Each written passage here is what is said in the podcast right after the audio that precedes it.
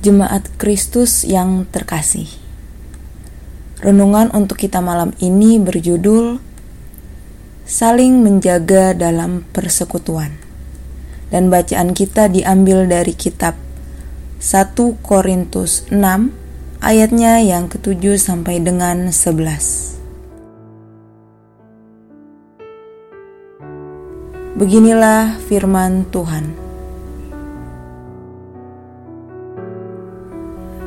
Adanya saja perkara di antara kamu yang seorang terhadap yang lain telah merupakan kekalahan bagi kamu. Mengapa kamu tidak lebih suka menderita ketidakadilan? Mengapakah kamu tidak lebih suka dirugikan? Tetapi kamu sendiri melakukan ketidakadilan dan kamu sendiri mendatangkan kerugian. Dan hal itu kamu buat terhadap saudara-saudaramu. Atau tidak tahukah kamu bahwa orang-orang yang tidak adil tidak akan mendapat bagian dalam kerajaan Allah? Janganlah sesat orang cabul, penyembah berhala, orang berzina, banci, orang pemburit, pencuri, orang kikir, pemabuk, pemfitnah, dan penipu tidak akan mendapat bagian dalam kerajaan Allah.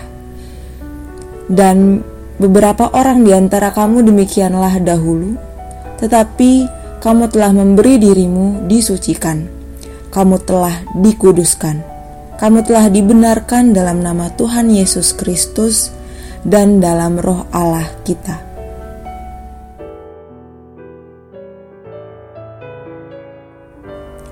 Paulus dalam kisah ini sedang menegur orang-orang Kristen di Korintus yang justru saling berkonflik di dalam internal mereka. Bahkan yang memprihatinkan mereka mencari keadilan kepada orang-orang yang tidak beriman dan memiliki kehidupan yang tak lebih baik dari mereka. Paulus menegur mereka sebab hal ini justru menjadikan masalah yang mereka alami sebagai batu sandungan bagi orang-orang yang ingin percaya kepada Allah. Orang yang ingin mengenal Kristus jadi enggan belajar sebab pertikaian yang terjadi antara para pengikut sendiri. Hal seperti ini pun banyak terjadi di gereja masa kini. Ada banyak konflik dan pertikaian yang dihadapi gereja, sehingga gereja tersebut kehilangan kekuatannya untuk menyatakan kabar yang baik. Justru kehadiran gereja tersebut menjadi batu sandungan, baik bagi anggotanya maupun orang-orang di sekitarnya. Hidup persekutuan kita tak hanya tentang kepentingan pribadi atau golongan semata, hidup persekutuan kita haruslah juga dapat dirasakan dalam lingkup yang lebih luas. Cara kita menghidupi persekutuan akan berpengaruh. Apakah gereja kita menjadi berkat bagi sesama, atau justru menjadi batu sandungan bagi sekitar?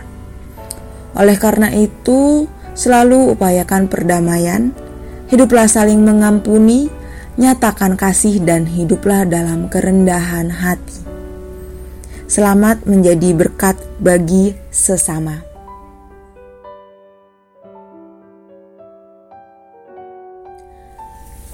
Demikianlah renungan malam ini. Semoga damai sejahtera dari Tuhan Yesus Kristus tetap memenuhi hati dan pikiran kita. Amin. Jemaat yang terkasih, mari kita bersatu hati menaikkan pokok-pokok doa yang ada dalam gerakan doa 21 GKI Sarua Indah. Mari berdoa.